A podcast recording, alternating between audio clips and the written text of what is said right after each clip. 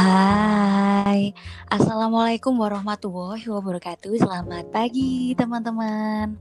Kembali lagi bareng saya Nima Vaneri di Jelajah Cerita episode 24 Teman-teman. Saya do podcast ini di mana pun kalian berada semoga selalu dalam lindungan Allah dan dilancarkan segala urusannya. Amin. Amin ya robbal alamin. Di episode kali ini Girls Talk jelajah cerita kedatangan tamu yang sangat spesial banget. Beliau ini sahabat saya dari pulau yang sangat indah di Indonesia, Lombok, Nusa Tenggara Barat. Pasti kalian sudah pada tahu kan keindahan Pulau Lombok. Anyway teman-teman, kita bakalan jelajah cerita bareng Mbak Hikari Nur, sosok independent woman yang humble, cantik, dan smart. Selain itu beliau juga guru bahasa Jepang, Masya Allah. So, pasti kalian sudah penasaran kan? Jadi kita sapa langsung beliau saja deh ya. Hai, Assalamualaikum Mbak Hikari Nur. Halo, Assalamualaikum Mbak. Waalaikumsalam, apa kabar? Alhamdulillah sehat. Apa kabar Mbak? Alhamdulillah baik. Ini terima kasih banyak loh Mbak Hikari karena sudah berkenan main di Girls Talk. Habis subuhan dan pasti pagi banget terus ditambah lagi jaringannya, masya Allah.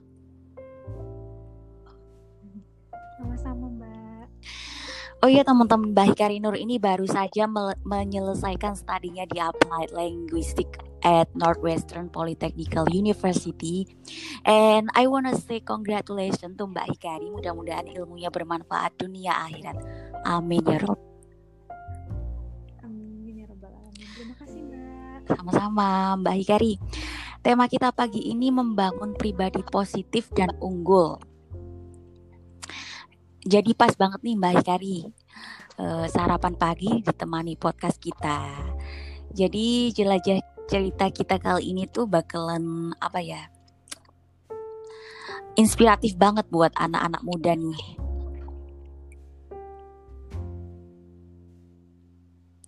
Hmm. Wah, saya kurang begitu paham sih ya Mbak soal podcast. Jadinya ini biasanya didengarkan di jam yang sama atau gimana mbak? Uh, enggak nanti ini kita bakalan edit terus kalau untuk share ini kita bisa kayak tergantung kita mau share jam berapa gitu. Enggak live seperti radio. Siap. Semoga bermanfaat ya teman-teman. Amin amin ya Rob. Mbak Hikari saya apa ya jujur saya tuh bangga banget sama anak-anak muda milenial milen sangat menginspirasi Kari Nur nih.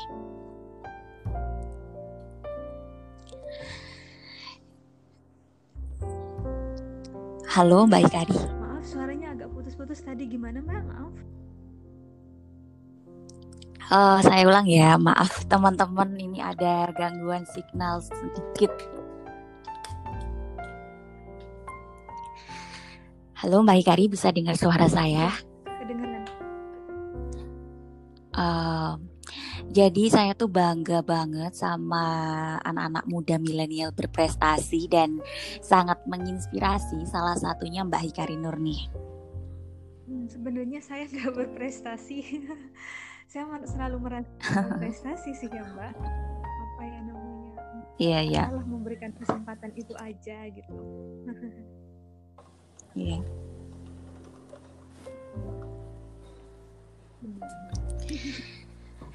Jadi kalau apa ya, ini berkaitan dengan tema membangun pribadi unggul dan positif. Bagaimana kalau uh, saya langsung tanya sama Mbak Hikari Nur? Silakan, silakan. Karena apa ya? Mbak Mbak Hikari itu apakah sudah apa ya? Sudah unggul di meja belajar sejak bangku sekolah dasar, yakni Mbak Hikari sudah berprestasi sejak usia apa ya di bawah kayak TK kayak gitu. Aduh, sejujurnya ya Mbak, kalau dibil Halo Mbak Hikari. Ya, halo. Kedengeran? Apakah suara saya bisa didengar, Mbak? Iya, iya Mbak. Iya Mbak. Aduh, jaringannya Mbak, Masya Allah. ya sepertinya mohon maaf ya teman-teman apa namanya sebenarnya kalau disebut uh, saya berprestasi sejak kecil sih enggak ya mbak jadi saya tinggal di desa yang terpencil benar-benar terpencil ya di sebuah desa uh -huh. kecil yang di Pulau Lombok ya di Lombok Timur nah apa ya namanya masa kecil saya biasa seperti teman-teman saya lebih suka bermain di sungai lebih suka nyebur ke sungai lebih suka manjat-manjat pohon. Jadi saya nggak pernah punya uh yang namanya prestasi ya. Tapi justru sekarang saya benar-benar mensyukuri masa kecil saya itu gitu. Jadi nggak apa-apa lah nggak ber, berprestasi waktu SD kenapa uh-huh. gitu ya karena sekarang kan uh-huh. uh, maaf ya dari segi kekayaan alam dari segi sumber daya alam kita yang sudah mulai terkikis orang lebih banyak bermain dengan gadgetnya lebih banyak bermain di dalam saya merasa bersyukur mempunyai kesempatan-kesempatan belajar menikmati alam di masa kecil jadi uh, saya nggak pernah menyesali saya nggak punya prestasi masa kecil karena saya lebih banyak menghabiskan hidup saya dengan uh, main ke sungai. Apa namanya? Uh, masya allah. Hari di sawah kayak gitu mbak. Terus kemudian saya mulai apa namanya mulai rajin belajar. Dalam arti belajar uh, apa ya di bangku sekolah itu sejak bangku SMP ya. Karena saya sangat ingin uh -huh waktu itu cita-cita saya cita-cita saya waktu itu ingin menjadi dokter ya mbak jadi saya ingin menjadi hmm. dokter jadi saya uh, mulai rajin belajar sejak bangku SMP uh-huh. dan sudah bilang saya ingin masuk ke universitas ini terus waktu kecil saya suka nonton acara kayak maaf ya nanti kelihatan. Maksudnya acara anak-anak kecil yang dulu ada namanya saya nggak tahu itu pembawa acaranya. Waktu itu Agnes Monica ya waktu dia kecil. Terus ada acara pokoknya banyak banget acara anak-anak dulu. Nah waktu itu mereka kayak liburan ke Eropa kayak gitu. Jadi sejak lihat kegiatan itu uh -huh. saya sudah menanamkan diri menanamkan dalam diri saya bahwa saya ingin kuliah ke Eropa gitu. Pokoknya kuliah ke Eropa kuliah Masya Allah gitu sih mbak nah, sejak itu. Iya yeah, iya. yeah. saya uh, rajin uh, belajar dari membaca ya. Karena waktu itu uh, internet ya karena saya dari desa kecil ya jadi internet belum masuk dan sangat susah mengakses informasi. Jadi bahkan di desa saya waktu itu lampu sering banget uh, mati gitu dipadamkan karena memang begitulah maklumnya di desa kecil. Jadi saya lebih sering mendapatkan informasi dari kakak saya yang waktu itu kuliah di Jogja. Jadi dia sering mengirimkan buku-buku gitu. Nah dari sanalah saya belajar pokoknya saya harus kuliah ke luar negeri suatu saat gitu. Nah setelah saya baca profil-profil orang yang kuliah ke luar negeri kok mereka itu apa namanya uh, dari segi uh, apa namanya sejak mereka ibaratnya gini sejak mereka bangun tidur apa yang mereka lakukan itu sudah mereka atur dengan sangat baik akhirnya sejak saat itu saya mulai hmm. belajar mengatur diri dengan uh, apa ya apa yang saya lihat dibaca-baca di buku di majalah-majalah hmm. sejak bangun tidurnya bangun tidur harus jam berapa setelah bangun tidur ngapain? Ya kayak gitu-gitu ya. Belajar seadanya aja waktu itu ya dari buku-buku. Gitu mbak. Iya iya. Oh jadi ini ceritanya jadi saya, mengingatkan saya sama karakter top de, apa novel Andrea Hirata itu mirip banget. Yang mana ya mbak? Saya juga penggemar Andrea Hirata nih. yang yang Laskar Pelangi itu. Bagaimana ceritanya ini anak terinspirasi dari sebuah buku keren banget itu. Iya awalnya saya memang benar-benar ingin kuliah ke luar negeri sih itu alasan kenapa saya alasan awal kenapa saya benar-benar ingin jadi bangun itu misalnya bangun itu harus sebelum subuh harus sholat malam dulu habis sholat malam baca-baca dulu apa baru baru sholat subuh pokoknya mulai diatur waktu dari sejak uh, apa namanya baru bangun sampai tidur lagi. Kemudian uh-huh. yang di Yogyakarta setelah di sana saya bertemu dengan orang-orang yang menurut saya sangat luar biasa. Saya gabung di komunitas debat bahasa Inggris.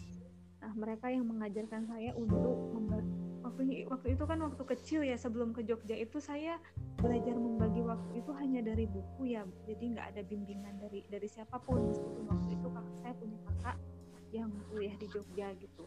Nah setelah saya kuliah di Jogja baru mulai mengenal lebih uh, detail tentang gimana sih kesempatan kuliah di luar negeri gimana mengatur waktu supaya bisa mengerjakan satu pekerjaan kemudian bisa mengerjakan pekerjaan yang lain misalnya tetap bisa mengambil tes TOEFL, tes IELTS sambil tetap kuliah, sambil tetap aktif uh, karena saya seperti Mbak Fa ya, uh, tapi masih masih sangat sangat sangat dasar ya, baru belajar mulai belajar menulis kayak gitu.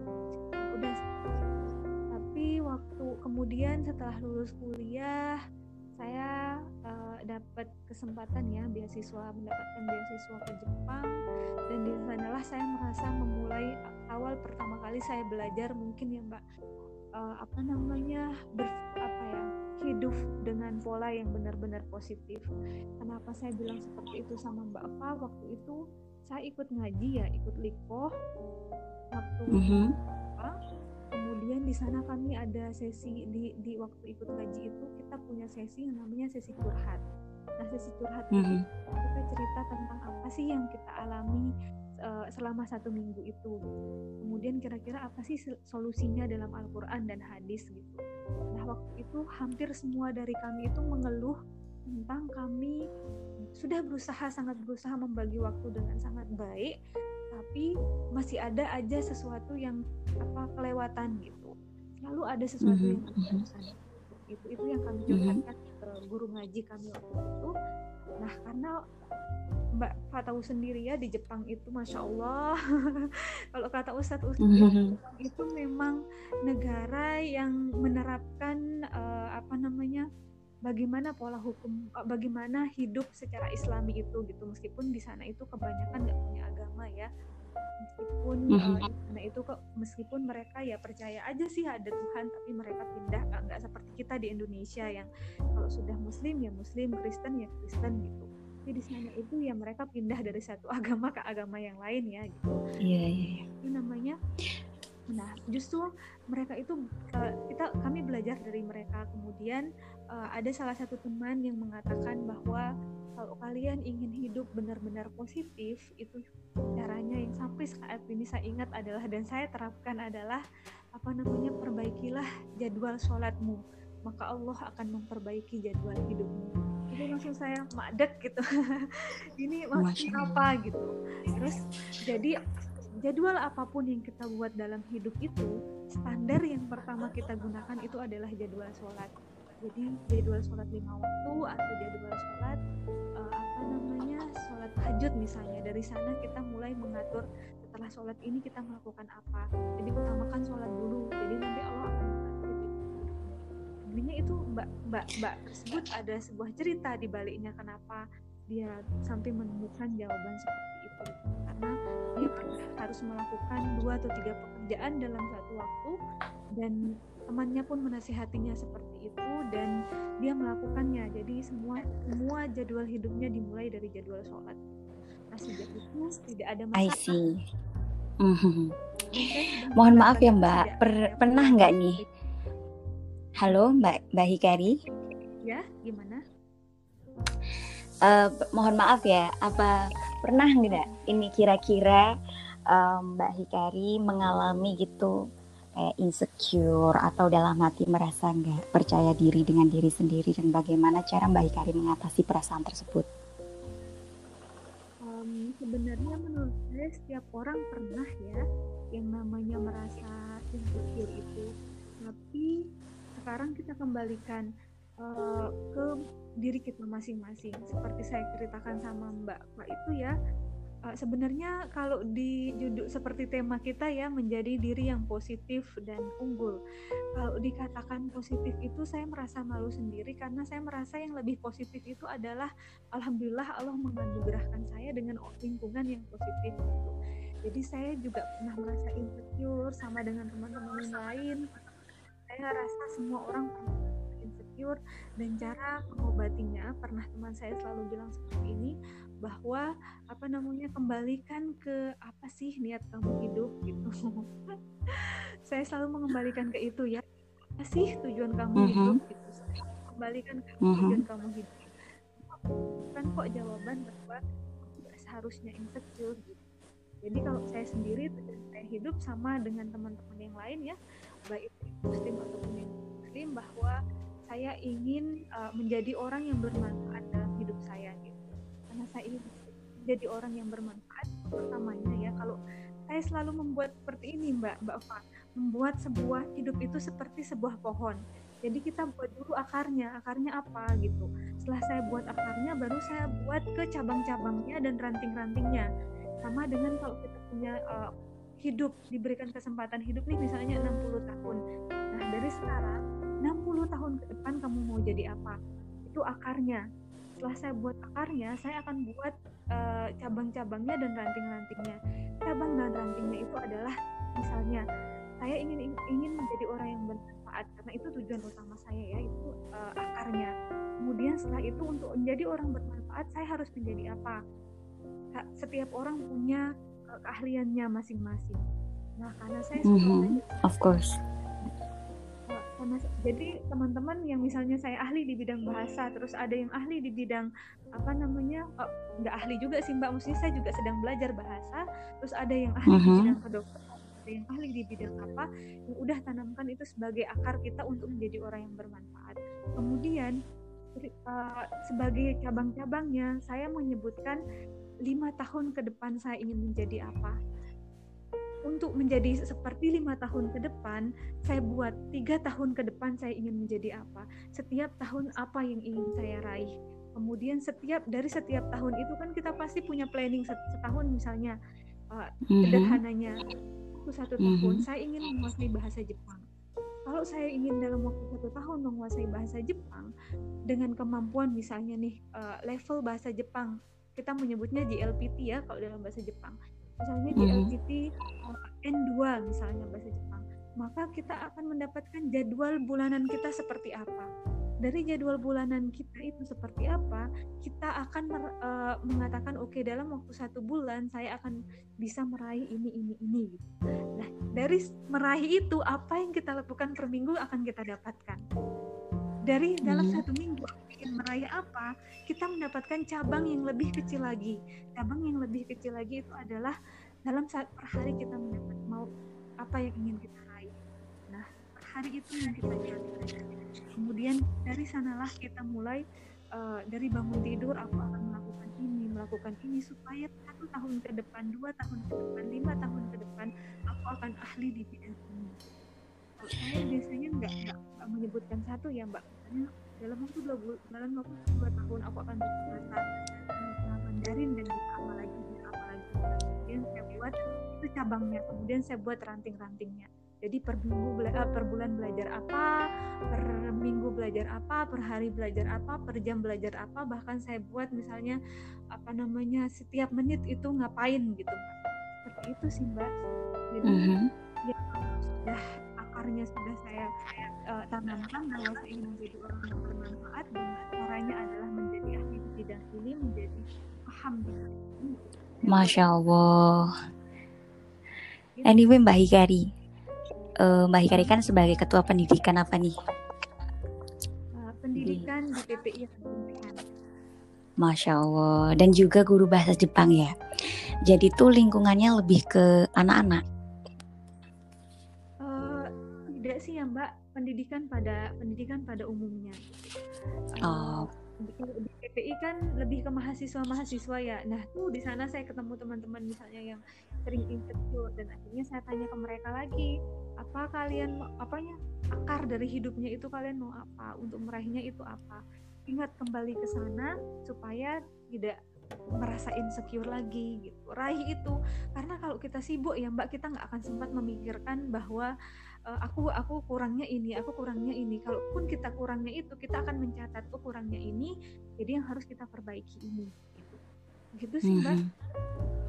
kalau dari ini ya kacamata mbak Hikari pribadi apakah kehidupan positif di era milenial itu bergantung pada peran atau pendap peran atau pendamping orang tua atau pendampingan orang tua dan lingkungan itu akan benar-benar mempengaruhi perkembangan anak-anak. Kalau ada bagaimana cara menerapkannya terhadap anak-anak usia dini? peran orang tua dan lingkungan itu memang sangat luar biasa ya Mbak. Yang pertama peran orang tua pasti hmm. karena ibu kita sejak dalam kandungan itu mempunyai peran untuk uh, mendidik anak-anaknya ya. Bahkan hmm. dalam ilmu psikologi kita diajarkan untuk seorang ibu karena saya dan Bapak kebetulan perempuan ya. Hmm. Jadi dalam kandungan seorang ibu diajarkan untuk berbicara dengan anaknya karena usia kandungan 4 bulan ya kalau nggak salah itu kemudian dalam Islam itu di, uh, kita ditiupkan ruh dalam ilmu uh, sains maupun ilmu psikologi itu diajarkan bahwa di sanalah anak mulai uh, hidup di dalam rahim ibunya jadi ya kalau uh, saya merasa itu memang seorang ibu itu pra, ya maksudnya bukan bukan lepas kemudian dari peran seorang ayah ya. Yang pertama itu memang ibu adalah guru yang pertama bagi anak-anaknya. Jadi sejak dari dalam kandungan tadi dia berada empat bulan dalam kandungan di sanalah ibu mulai belajar uh, mengajak anaknya berbicara. Itulah pendidikan pertama untuk anak-anak. Kemudian ya, setelah itu ibu harus terus rutin mengajak komunikasi dengan anaknya saat dalam kandungan. Kemudian setelah lahir akhirnya bukan hanya ibu bapak, ibu dan orang-orang yang ada di rumah itu sih yang yang menjadi pendidik pertama itu kenapa sebenarnya dalam semua baik itu dalam semua agama maupun dalam ilmu pendidikan baik maupun dalam ilmu psikologi itu kenapa sebelum kita program punya anak bagi pasangan itu diajarkan untuk uh, persiapan ada bahkan ada sekolahnya sekarang mbak sekolah untuk apa namanya mempersiapkan diri menjadi orang tua gitu jadi uh -huh. bagaimana mendidik anak itu uh, ada ada sekolahnya khusus uh -huh. uh, sekolah mendidik anak kalau tidak salah itu ada dan di, di banyak tempat itu sudah disediakan jadi memang namanya uh, peran orang tua itu yang pertama. Karena di sanalah akar itu terbentuk. Bagaimana seorang anak itu bisa kekuatan secara psikologis anak itu terbentuk pertama dari orang tuanya itu kemudian setelah itu setelah dia bergaul dengan sesamanya di sanalah dia uh, belajar lebih lebih luas lagi tentang tentang kehidupan atau pendidikan jadi itu kenapa kita harus menempatkan diri kita ke lingkungan yang positif ya? Tapi saya juga nggak ini mbak nggak nggak nggak melarang orang misalnya ada orang yang punya teman yang maaf ya dalam arti salah pergaulan gitu. Uh -huh. jadi itulah kenapa peran orang tua dan orang-orang di rumah kita pertama kali itu untuk membangun pribadi yang positif dari akarnya dulu. Jadi saat dia bertemu dengan lingkungan yang maaf dalam tanda kutip mungkin salah kita nggak pernah pernah tahu ya mbak siapa yang akan kita temui dalam hidup seperti apa nasib yang akan kita temui. Kita nggak pernah tahu di mana ke mana kita akan pergi gitu. Kita nggak pernah tahu. Itu bukan pilihan gitu. Ya, itu sudah takdir kita gitu. Jadi kita ke mana kita apa-apa ya. Itu sudah sudah luar kendali kita. Oleh karena itu peran sama ibu ya sejak kita dalam kandungan kemudian setelah kita lahir kedua orang tua oh, pastinya bapak juga ya yang membantu berbicara saat dalam kandungan ibunya. Uh -huh. itu yang membuat akar kita harus kuat gitu. Dan akar itu dibentuk dari keluarga itu. Jadi saat kita sudah ke depan sudah bisa bertemu dengan orang-orang dengan lingkungan yang berbeda kita bisa mengatasi segala kondisi karena akar -huh. Masya Allah, saya nyampe terharu Mbak Hikari dengan ilmunya. Um, sebenarnya itu dari pengalaman pribadi ya Mbak. Uh. Dan membaca buku saya, uh, jadi S1 saya itu pendidikan bahasa Inggris, uh -huh. jadi saya suka sekali buku psychological education, uh -huh. terus sama psikologi psychological education itu kan yang tentang bagaimana um, anak itu dididik sejak dalam kandungan.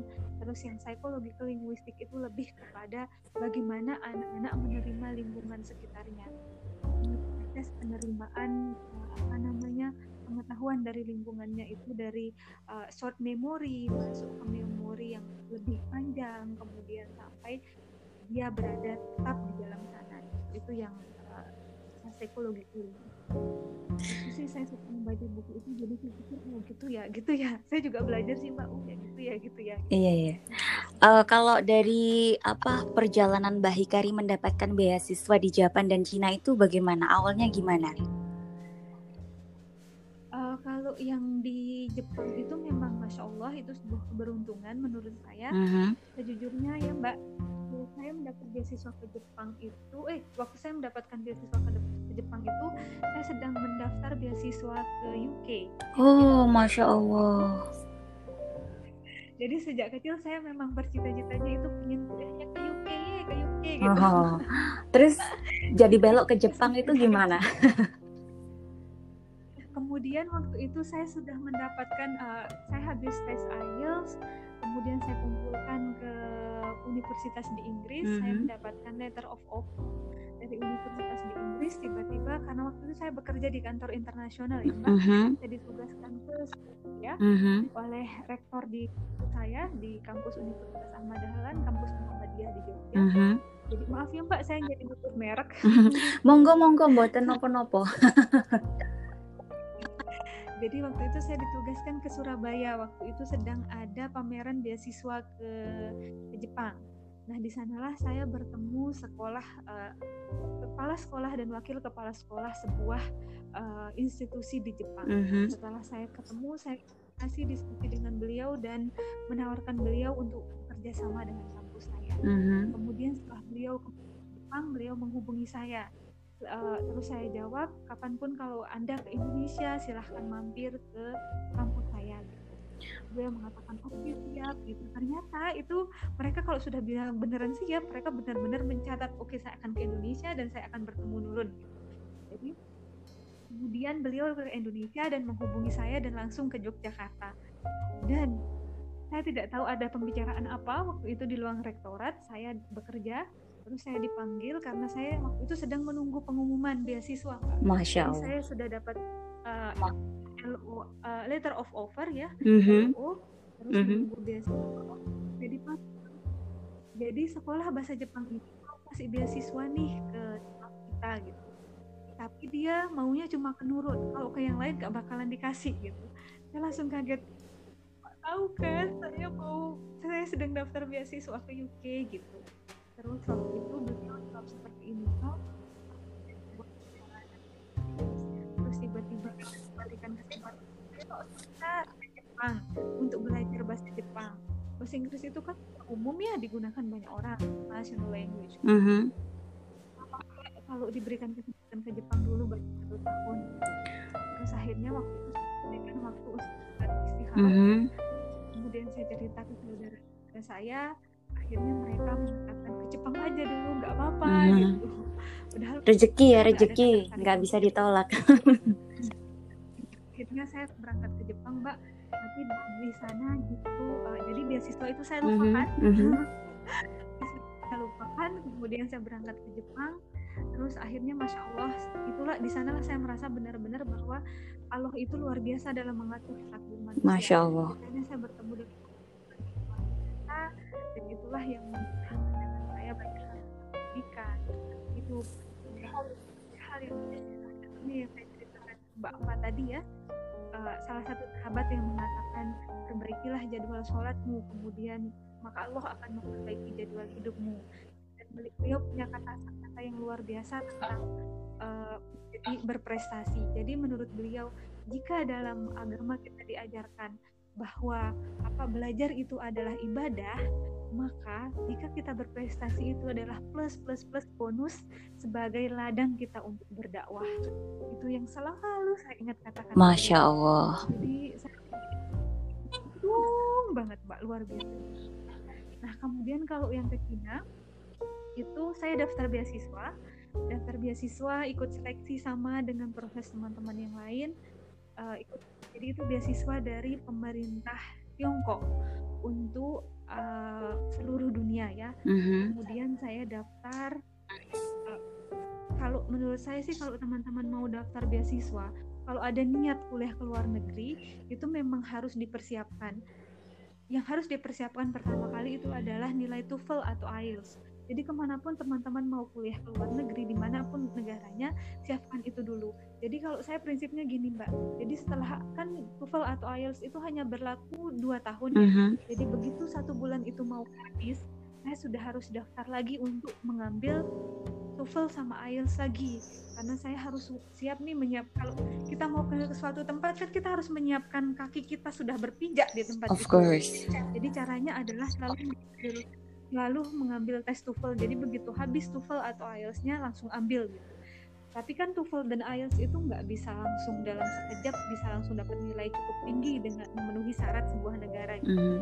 Jadi lihat kalau nilai IELTS-nya sudah mau habis biasanya enam bulan saya persiapkan kemudian uh, itu saya ambil enam bulan kemudian supaya uh, nilai TOEFL uh, nilai karena saya lebih sering IELTS ya mbak.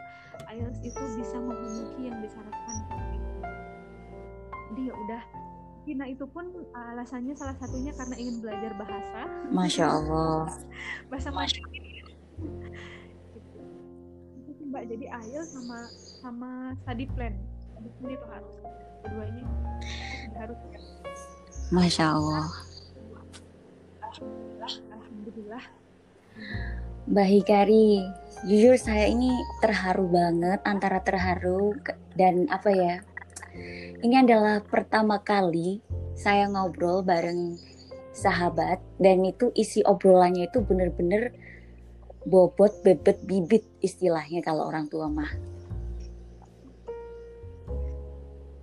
Itu semua sebenarnya uh, saya hanya penyambung lidah mbak ya itu dari teman-teman keliling saya seperti yang sebutkan tadi bahwa alhamdulillah Allah menganugerahkan saya dengan teman-teman yang positif. Masya Allah. Saya hanya penyambung lidah mereka. Jadi apa nih harapan Mbak Hikari terhadap generasi penerus bangsa khususnya anak-anak muda milenial? Um, zaman sekarang ya semua teknologi sudah canggih mm -hmm. terus karena karena kecanggihan teknologi itu komunikasi berlanjut berjalan dengan sangat cepat. Apa dunia berputar dengan sangat cepat. Yang pertama itu ikuti kemajuan teknologi tapi bukan karena kita apa namanya uh, ikut-ikutan tapi karena kita mau belajar karena kalau kita nggak ikut dengan kemajuan teknologi dengan kemajuan ilmu pengetahuan maka kita hidup seribu tahun yang lalu ya. Jadi uh, saya bisa buku mungkin Mbak Hikari juga baca Mbak maaf Mbak. Fa juga baca. Di salah satu buku yang saya baca itu mengatakan bahwa orang itu tua sebenarnya karena dia berhenti belajar. Uh -huh. jadi kalau nggak salah ya nama beliau Vira Vira Basar Mbak saya lupa uh, yang katakan buang itu di buku itu beliau mengatakan bahwa orang itu tua dikatakan kalau dia sudah berhenti belajar. Jadi uh, ikuti perkembangan teknologi maupun sains maupun bahasa semuanya baik itu uh, teknologi maupun maksudnya sains maupun ilmu sosial untuk uh, mengembangkan diri kita sendiri tapi jangan jangan sampai lupa lupa pada akar yang tadi sudah kita katakan mm -hmm. bahwa setiap orang punya masing-masing mm -hmm. jadi supaya kita nggak insecure setiap orang mungkinlah bahwa setiap orang punya kelebihannya di satu dua atau tiga mm -hmm. bidang karena ada orang yang bukan cuma di satu bidang ya satu dua atau bidang uh, punya kelebihan gitu kemudian kuatkan di bidang itu uh, jadilah eh, orang-orang uh, yang bermanfaat baik itu pertama untuk agama kita, orang tua kita, agama kita, dan orang-orang di sekeliling kita. Masya Allah, tabarakallah Mbak Hikari, keren banget. Mudah-mudahan ini bisa bermanfaat bagi anak-anak muda yang mendengarkan ya Mbak Hikari. Amin ya Rob. Dan apa yang ingin Mbak Hikari sampaikan kepada teman-teman pendengar nih sebelum kita akhiri podcast kita kali ini? Um, jangan berhenti belajar. Mm -hmm, insya Allah. Saya selalu mengatakan seperti sama yang uh, saya katakan sama diri saya sendiri. Oh ya, waktu itu saya ikut saya mengajar bahasa Indonesia untuk penutur asing mm -hmm. juga ya Mbak. Kemudian ada satunya uh, namanya Ibu Juwairiyah, mm -hmm. salah beliau dosen salah satu universitas negeri mm -hmm. waktu saya ikut usia beliau sudah mm -hmm. tahun dan beliau masih aktif mm -hmm. jadi ibaratnya Nelly gitu, mm -hmm. gitu. sampai saya tanya oh, bu rahasianya apa bu? Gitu. Beliau jawabnya cuma berpikir positif. Jadi kalau pikiran negatif itu datang, kembalikan ke akar tadi, kemudian berpikirlah positif lagi, berpikir positif, uh, jangan berhenti untuk belajar, itu yang beliau katakan, dan jangan berhenti untuk bermanfaat untuk orang lain. Jadi dia banyak orang udah 70 tahun ya maaf, mungkin beliau sudah agak banyak sudah masih sangat stres bangga melihat beliau terharu melihat karena beliau benar-benar Nelly di usia itu bermanfaat bagi orang lain. Itu juga bukan hanya uh, bukan hanya saya katakan ke teman-teman, tapi semoga itu juga menjadi nasihat bagi diri saya sendiri dan uh, Insya Allah, Insya Allah ya Rob. Masya Allah, tabarakallah Mbak Hikari satu jam nggak terasa ya ngobrol sama Mbak Hikari. Iya ya udah satu jam, sudah 30. eh 30 menit ya kita ngobrol. Oh, terima kasih ya banyak. Pokoknya ilmunya ini bener-bener apa ya membangun jiwa banget untuk memacu kita untuk lebih baik lagi lebih ayo ayo kamu pasti bisa nih ngejar mimpi kamu. Kayak gitu nih apa yang Mbak Hikari sampaikan tadi intinya. Ya intinya menjadi diri positif dulu aja. Menjadi positif kemudian insya Allah sebenarnya semua itu mengikuti ya Mbak asalkan kita sudah uh, berpikiran pertama mm -hmm. berpikiran positif dulu kalau pikiran negatif itu datang ingat kembalikan ke akar kita tadi kembalikan pertama jalan keluar paling menurut saya sih gini mbak jalan keluar yang pas saat, kita merasa insecure saat kita merasa down itu adalah mencari orang-orang yang uh, benar-benar bisa membangkitkan semangat kita sih yang pertama itu langkah ya karena saya itu dekat sekali dengan saya pertama kali cari jangan takut uh, jangan takut untuk merasa down. Setiap orang pasti pernah setiap orang akan merasakan. Kalau kata Ustadz Adi Hidayat itu kita itu nggak akan pernah tenang hidupnya sampai kita mati. Karena orang mati yang tenang hidupnya gitu. Jadi jangan pernah takut takut merasa down insecure atau merasa ada banyak masalah dalam hidup kita karena hanya orang yang sudah meninggal yang sudah tidak punya masalah. Jadi hadapi itu kalau kita sedang menghadapi itu cari orang terdekat yang bisa membangkitkan lagi Masya Allah. Kemudian kembali menjadi itu akan mengikuti prestasi dan semuanya itu akan Masya Allah. Aduh ini membangun saya banget Mbak Hikari. Masya Allah terima kasih. Mudah-mudahan ilmunya tersampaikan kepada teman-teman pendengar semuanya. Dan sebenarnya saya ingin jelajah cerita lebih banyak lagi ya. Tapi karena durasi waktu eh, insya Allah lain kali. Dan mudah dan mudah-mudahan Mbak, Mbak Hikari nggak kapok ini main ke Girls insya Allah saya tidak pernah kapok untuk belajar bersama Mbak karena saat saya berbicara saya juga ber pertama berbicara pastinya itu berbicara kepada diri saya. Masya Allah. Next kita uh, bicara sastra bahas buku ya Mbak, bahas buku yang ini. Nanti kita diskusi mau bahas apa, nah. buku apa gitu. Wah saya senang banget. Itu ahlinya Mbak oh. bukan saya. Saya lihat nih. Enggak lah Enggak lah Mbak Hikari apa, ini saya masih belajar. Anyway, terima kasih banyak sekali lah buat Mbak Hikari ya. Saya doakan Mbak Hikari sehat, bahagia, semakin sukses karirnya. Terus lekas dipertemukan oleh jodoh idaman dunia akhirat. Amin amin ya robbal alamin. Amin. Amin ya Rob. Baik teman-teman, sekian dulu podcast kita kali ini. Insya Allah kita akan jelajah cerita lagi di next episode. Happy weekend teman-teman, jaga kesehatan dan kalau keluar jangan lupa pakai masker.